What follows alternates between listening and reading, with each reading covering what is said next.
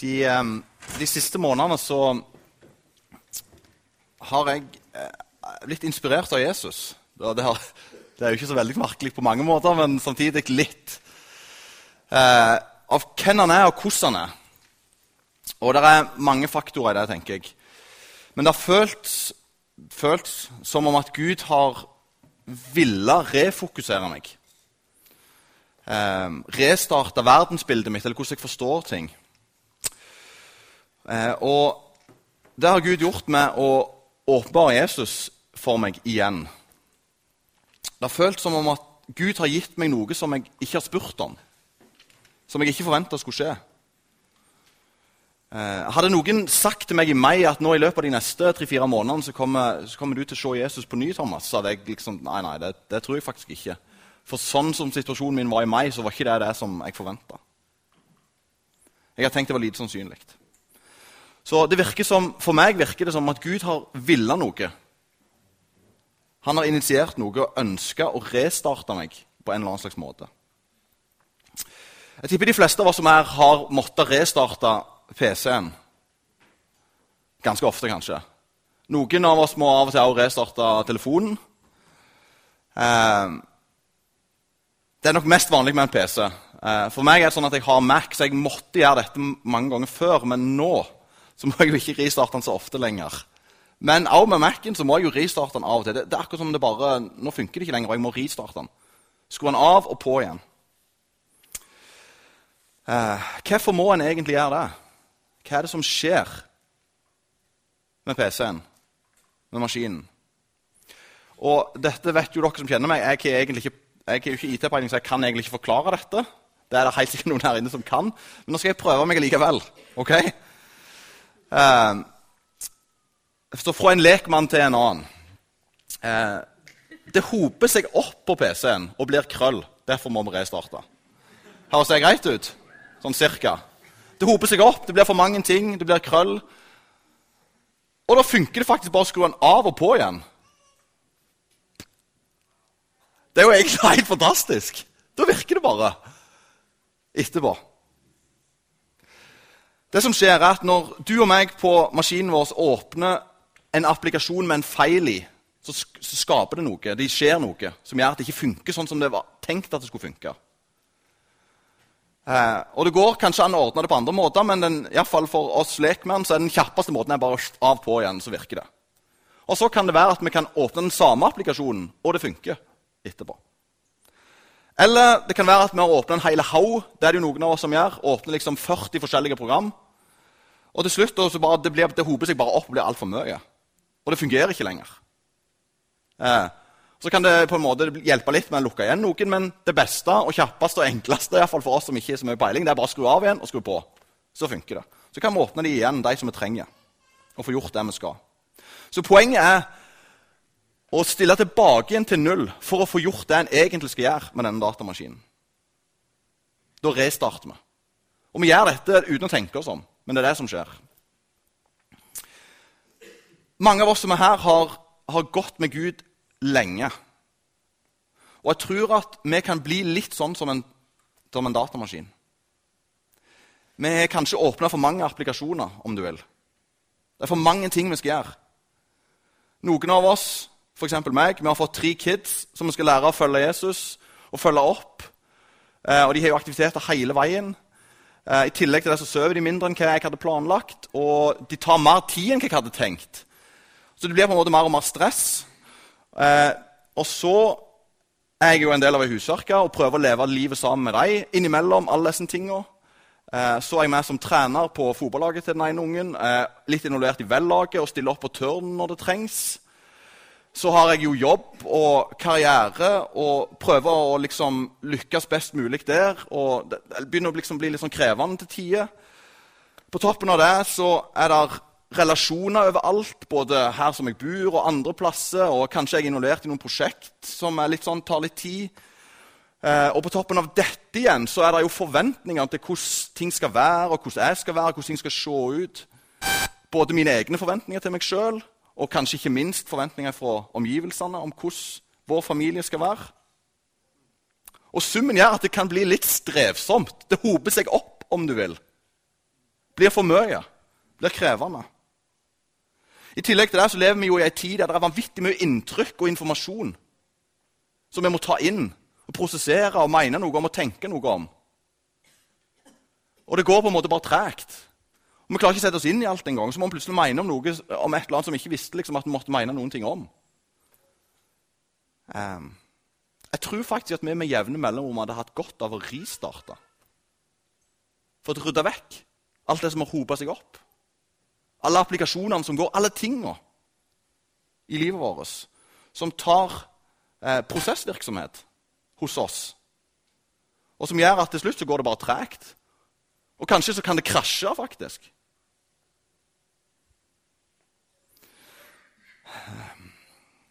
Det vi vet er at Når vi skrur på datamaskinen igjen, så åpner vi jo igjen de applikasjonene som vi trenger.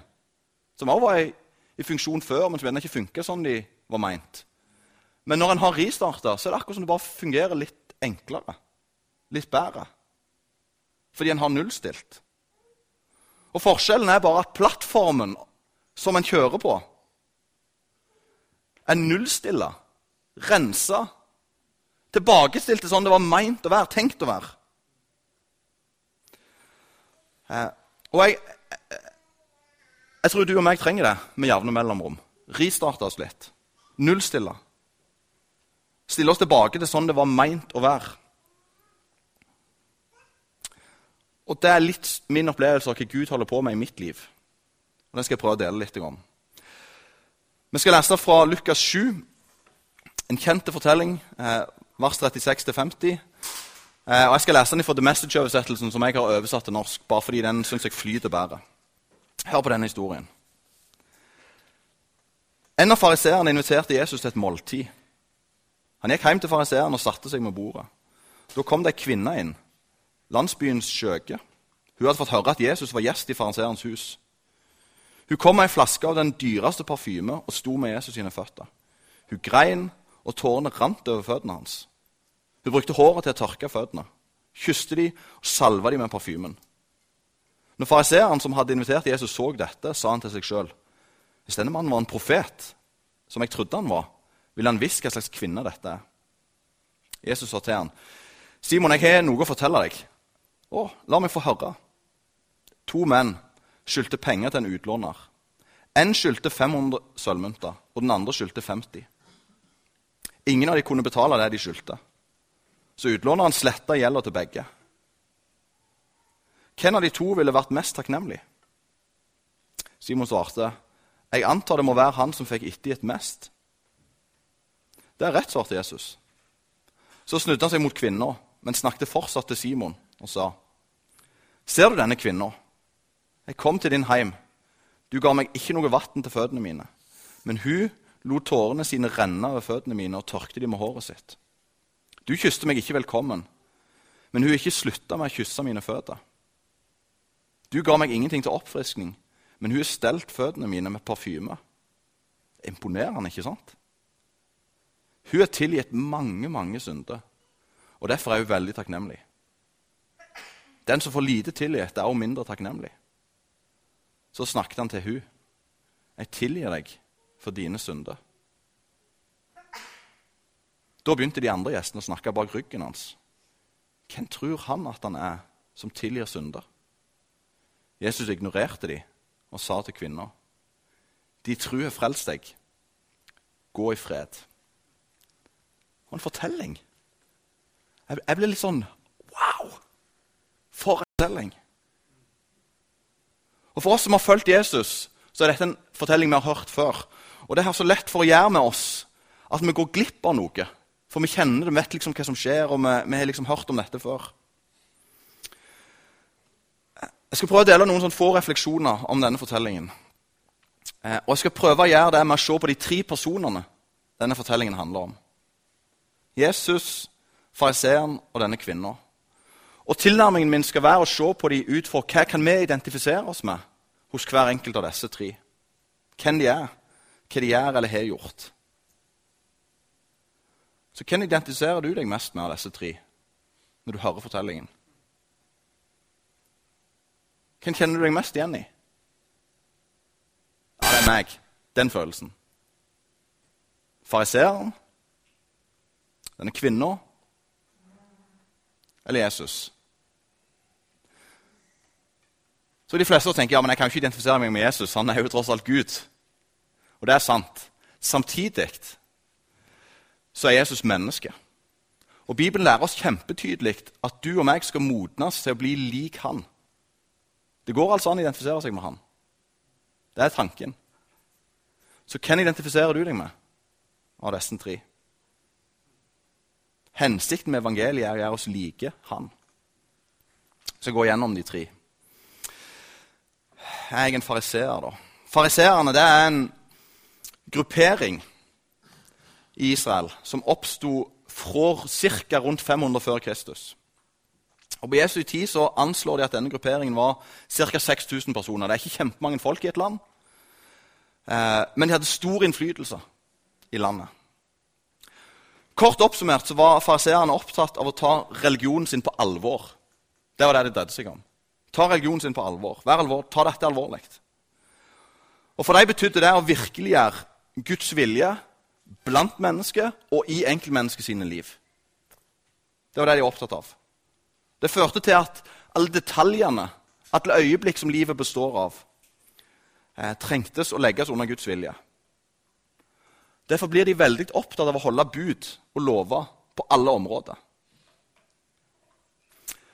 Hvis vi har lest evangelien, så vet vi at Jesus irettesetter disse folka igjen og igjen og igjen. Ofte. Og kaller dem for hyklere. Og vi har lett for liksom å tenke sånn at de, ja, de er jo hyklere, de der fariseerne. alltid. Selvsagt er det ikke sånn at de er bevisst vi er, vi er helt bevisste på at vi er hyklere. Selvsagt var det ikke sånn. Og I skriftene til disse folka så tar de egentlig et vanvittig oppgjør med det å være hyklerisk. Det er ikke akseptert hos dem heller at en skal være hyklere. Fariseerne tror at si menneske har valgfrihet så kan de alltid, eller vi kan alltid velge det gode, det rette. De tror altså at det er mulig å holde budene og lovene fordi vi har valgfrihet. Det er mulig å alltid gjøre det rette. Og Når Jesus igjen og igjen adresserer disse folka som hyklere, så er det egentlig dette han adresserer. At de tror at de alltid kan gjøre det rette, siden han har valgmuligheten. Han forkaster egentlig systemet deres, eller teologien deres, om du vil. Eh, og han kaller det for menneskebud. Eh, Paulus, som også var en fariseer i utgangspunktet, er tydelig på dette i brevene sine. Han formidler tydelig at å leve uten Jesus, da er det ikke mulig å alltid velge det rette. Så disse lovene som de er opptatt av å holde, de kaller Paulus for eh, en lov som binder, ikke som fører til frihet. Derfor er fariseerne hyklerne. Både hos Jesus og hos Paulus. En hykler betyr egentlig en som driver med skuespill. En som prøver å gjøre noe som en ikke er. En som prøver å framstå på en måte som en egentlig ikke er. For oss som er kristne, eller som følger Jesus, så er det kun hvis en er født på ny, det er mulig å alltid gjøre det rette. Det er forutsetningen, om du vil. Derfor blir det livet som fariseerne prøver å legge til rette for, det blir helt umulig for oss som følger Jesus. Det er kun mulig å leve det livet som fariseerne prøver på, hvis Gud har flytta inn i livet vårt og blitt sentrum. Da får du og meg del, av, del i noe som er annerledes, guddommelig, om du vil. Og ting blir annerledes. Denne sommeren her så, så har det i mye større grad enn før slått meg at i tekstene i Bibelen så er jeg fariseeren.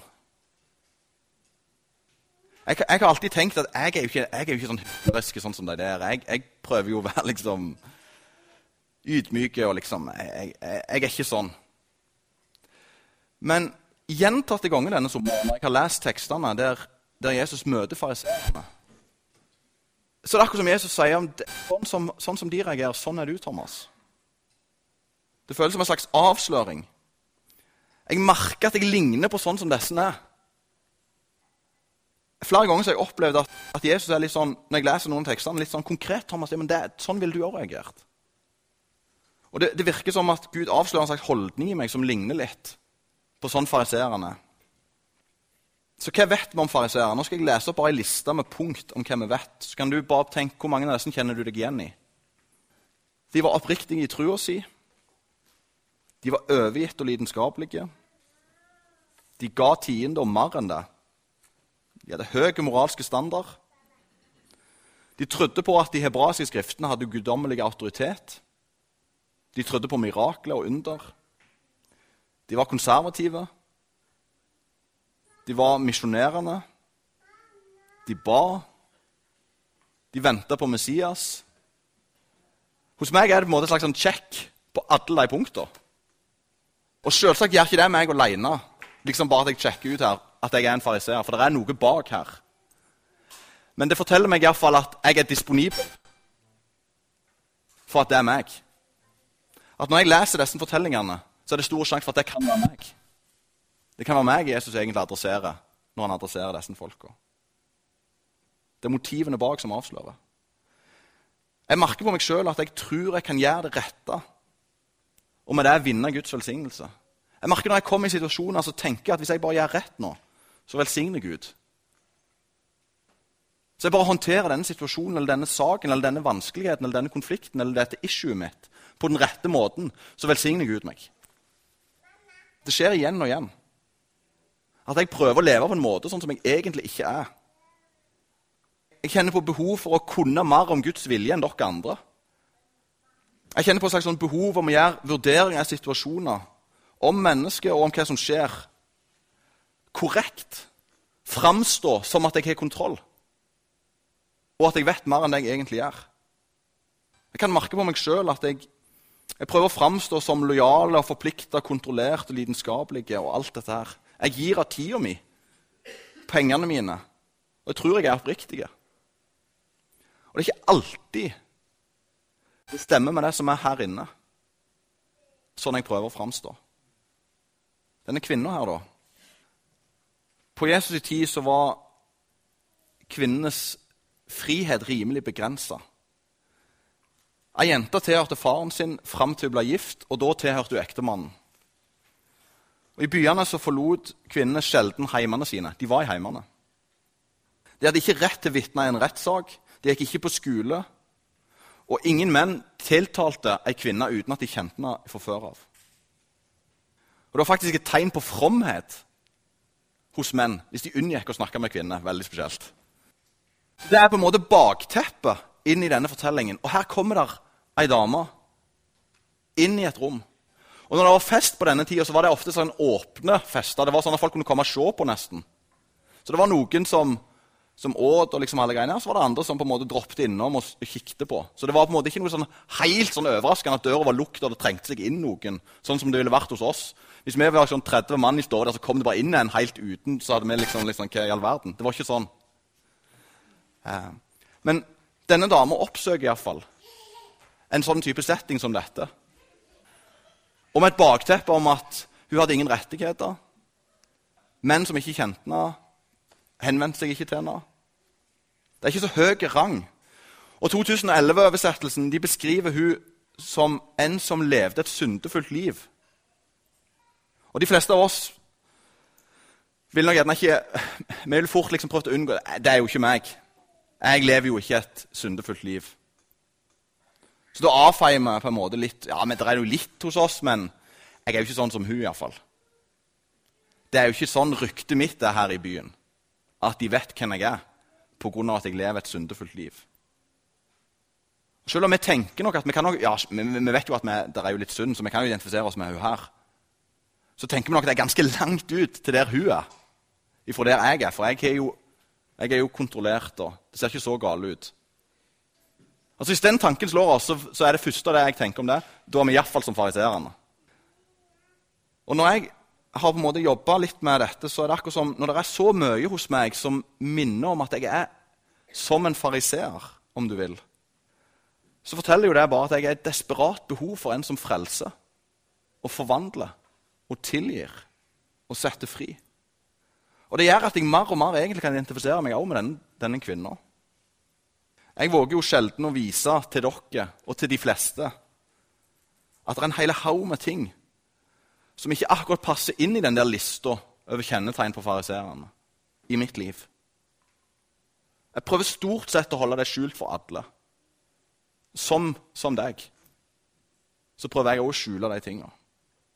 Denne kvinna her har møtt noen som gjør at hun driter i kodene for å uttrykke sin takknemlighet. Altså, Den hengivenheten og lidenskapen hun viser, fascinerer meg. Hun har ikke møtt noen sånn som Jesus før, som er sånn som han. Og Det preger livet hennes på en sånn måte at hun oppsøker en plass hun ikke er velkommen. Mest sannsynlig. Alle vet hvem hun er på grunn av hennes syndige liv. Og så gjør hun ting der som ingen andre gjør, i møte med en mann. I parallellteksten i Matteus står det til og med at disiplene reagerer på hva, på hva denne dama gjør. Sannheten er jo at jeg har fått like mange synder tilgitt som denne kvinna. Jeg burde lett kunne identifisere meg med henne. Våger jeg å slippe Jesus så tett inn på livet mitt at det kan bli avslørt? Et liv som er sjølsentrert, ofte egoistisk, prega av at det handler om meg og mitt nesten alltid. Denne, denne fortellingen utfordrer meg på de punktene. Den friheten som denne dama viser fra menneskefrykt jeg vet ikke, er, er det noen her som, som har kjent menneskefrykt noen gang? Bare sånn bitte litt. Bare litt. Denne dama virker jo helt fri fra det. Helt fri virker hun. For hva de andre tenker. Kan være hun tenker på det, men handlingene hennes viser iallfall en frihet som jeg tenker åh, det hadde vært, det hadde vært vanvittig herlig å ha den friheten. Jeg tror nøkkelen til den friheten er at hun har møtt noen som tilga så mye hos hun at Hva betyr det vel? Hva er det? Denne kvinnen var klar over hvor mye Jesus hadde tilgitt henne. Hvor mange ting. Er du klar over det? Hva Jesus har tilgitt i ditt liv. Hvor mye han har tilgitt. Hun er så takknemlig at du går ut av rammene og gjør valg og lever på en måte som ikke er akseptabelt, egentlig. Som jeg har sagt, så har jeg opplevd at Gud har ristarta meg denne sommeren litt. Og han holder fortsatt på. Det er kanskje egentlig mer rett å si at Jesus har, eller Gud har re-Jesus av meg. For det er litt tilbake enn der det begynner. Jeg, jeg, har, jeg, har, på en måte møtt Jesus, jeg er blitt ganske inspirert av hvordan han er.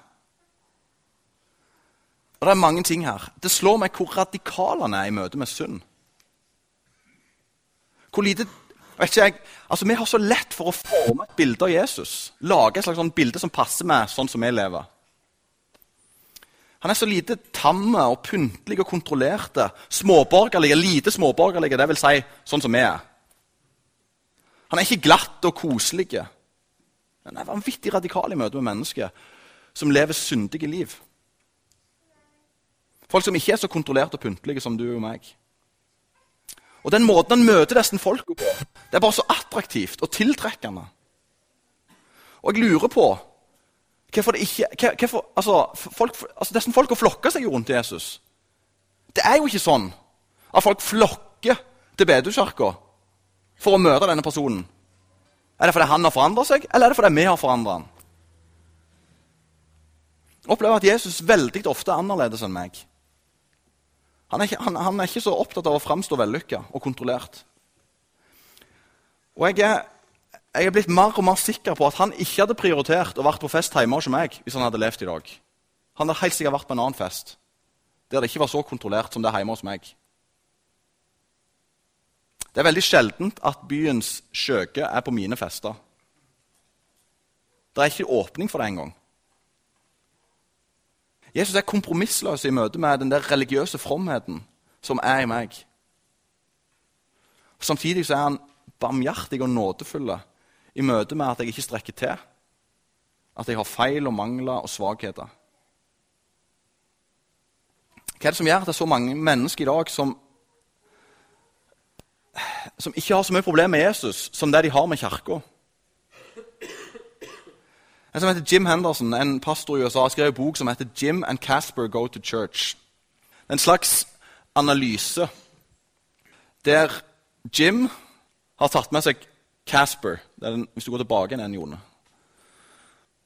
Og besøker en hel haug med de store, kjente kirkene i USA. Casper han er ikke en truende. Og Så analyserer de liksom og samtaler om hva som skjer, og hvordan han opplever ting. og hva han legger merke til. Og Det er mange interessante ting som kommer fram i boka. Men noe av det slående er Kasper som kommenterer hvor stort skille det er mellom kirkene på hva det vil si å følge Jesus. Det er akkurat som de beskriver det helt ulikt. Alle snakker om Jesus, men hvorfor er han så ulik i de ulike plassene? En bok av en som heter Dan Kimball, som heter 'They Like Jesus, But Not The Church'. er enda mer fascinerende. Han intervjuer en hel haug med ikke-truende unge folk i California, som alle åpner for Jesus, men skeptiske til hør hva han sier, hør hva boka sier, til at kirka, som de ikke-kristne her kjenner kirka, egentlig kan lære dem noen som helst ting om Jesus. Så de tror faktisk, disse som ikke følger Jesus, at kirka kan jo ikke lære oss noe om Jesus. Det er fascinerende. Og de sier de tror at kirka er en slags organisert religion med en politisk agenda. De er negative, de er dømmende i uttrykket, er dominert av menn, preget av homofobi og fundamentalisme. Det er ganske heftig. Sånn opplever disse som han intervjuer, kirka. Og så har han spurt dem de, hvordan de opplever Jesus. Og denne enkle på en måte, bare tabellen der De sier Jesus er nydelig. De sier at kirka ødelegger ting. De sier at han er en vis mann, som en sjaman eller guru. Sånn de beskriver Jesus. Så snakker de om de kristne. Ja, de har gjort Jesu undervisning til dogmatiske regler. Så sier de om Jesus han kom for å sette kvinner i frihet. Så sier de om oss kristne viser ikke den kjærligheten som Jesus kom for å gi. Og så har hva de sier om Jesus. Jeg ønsker å bli som han. Så sier de om oss vi skulle tatt dem med ut og skutt dem. Altså Han som er sentrum av vår greie, han er attraktiv. Men vi, vi er ikke så attraktive. Jeg tror det er ganske likt dette i Norge, selvsagt. Jeg tror ikke det hadde vært så tydelig i Norge at de ville skutt oss, men holdningen tror jeg er ganske lik. Vi er ikke fullt så attraktive som det Jesus er. Det er jo merkelig når Bibelen er tydelig på at vi er hans kropp. Kirka skal på en måte være Jesus for verden i dag. Det er hos oss Gud har tatt bolig nå. Det er hos oss han bor. Det er vi som er fysisk til stede i verden, som han har skapt. Vi er altså ikke så lik Jesus som tanken var at vi skulle være. Derfor trenger vi å restarte. Det handler om dette. Det er ikke blitt helt sånn som det var tenkt det skulle være. Jeg tror nullstille handler litt om å komme tilbake til å fungere sånn som det var tenkt. Og jeg tror den eneste veien der, til der det var tenkt, det er tilbake til Jesus. Begynne med Jesus. Og jeg tror det er stor sjanse for at Jesus ikke er sånn som vi hadde forestilt oss at han er. Jeg digger alle disse bildene her, som er ulike uttrykk eller bilder av Jesus Altså, Vi er jo mest kjent til det der liksom, nummer to oppe til venstre. Det er sånn vi forestiller oss Jesus. Det ser ut som en amerikansk modell. Altså, han, han, ser jo ikke sånn ut. Men det er jo sånn vi ofte forestiller oss at Jesus er. Men bildene av Jesus beskrives i evangeliene. Og han er ikke tam. Han er annerledes enn sånn vi ofte forestiller oss han. Vi trenger en ristart. Jo lenger en PC er i drift uten at han blir restarta, jo dårligere vil han fungere. Og jo lenger vekk fra originalfunksjonaliteten kommer en egentlig. Og jeg tror det på mange måter er likt med oss. Hvis vi skal være den kirka Jesus hadde tenkt, så trenger vi å starte igjen på med han. Rekalibrere oss med utgangspunktet i denne Jesusen, som er annerledes. Vi så første Narnia-filmen for ikke så lenge siden med ungene, og beveren sier noe fascinerende om Aslan. Trygg Hvem sa at han var trygg? Selvsagt er han ikke trygg, men han er god. Han er kongen. Jesus er annerledes enn oss. Han er annerledes enn hvordan vi former han. I Johannes evangeliet er det en god del utsagn fra Jesus som støtter dette med at vi kun kan forstå Gud gjennom Jesus. I Johannes 14, vers 9 så sier Jesus, 'Den som har sett meg, har sett far'. Og I Johannes 10, 45 sier Jesus, 'Den som ser meg, ser Han som har sendt meg'. Jesus sier rett ut at sånn Gud er, det er, sånn dere, det, er det dere ser i meg. Når dere ser meg, så er det Gud dere ser. Så hvem er Jesus? Hvordan er han egentlig? I møte med de tingene som vi møter i 2016 på Bryne. Vi må begynne med Jesus. Vi former så lett et helt annet bilde. Jesus er så radikale. Det går ikke an for oss å sette Jesus i et system eller en bås. Han strekker seg alltid lenger enn det vi gjør, i møte med synd og umoral og hykleri. Han er ikke så polert og glatt som vi ofte gjør han. Og Det er fordi han alltid søker å finne det som var fortapt, for å frelse det. Hør på det. Jesus søker alltid å finne det som var fortapt, for å frelse det. Skal vi be sammen? Jesus, tusen takk for at du kom. Jeg har lyst til å bare be deg om å berøre livet vårt nok en gang. Du er radikal i møte med oss, uansett hva historie vi bærer på. Så strekker du deg inn i livet vårt til forvandling. Tusen takk for det, Jesus. Takk for at det er sant uansett vår historikk. Uansett hva vi mener og tenker, så vil du berøre, komme i kontakt, bli kjent med så ber jeg om at du hjelper oss å våge å åpne opp litt mer for å slippe deg inn. Takk for at du er her nå. Nå vil vi bare vende fokuset vårt mot deg. For du er verdt det, du fortjener det. Amen.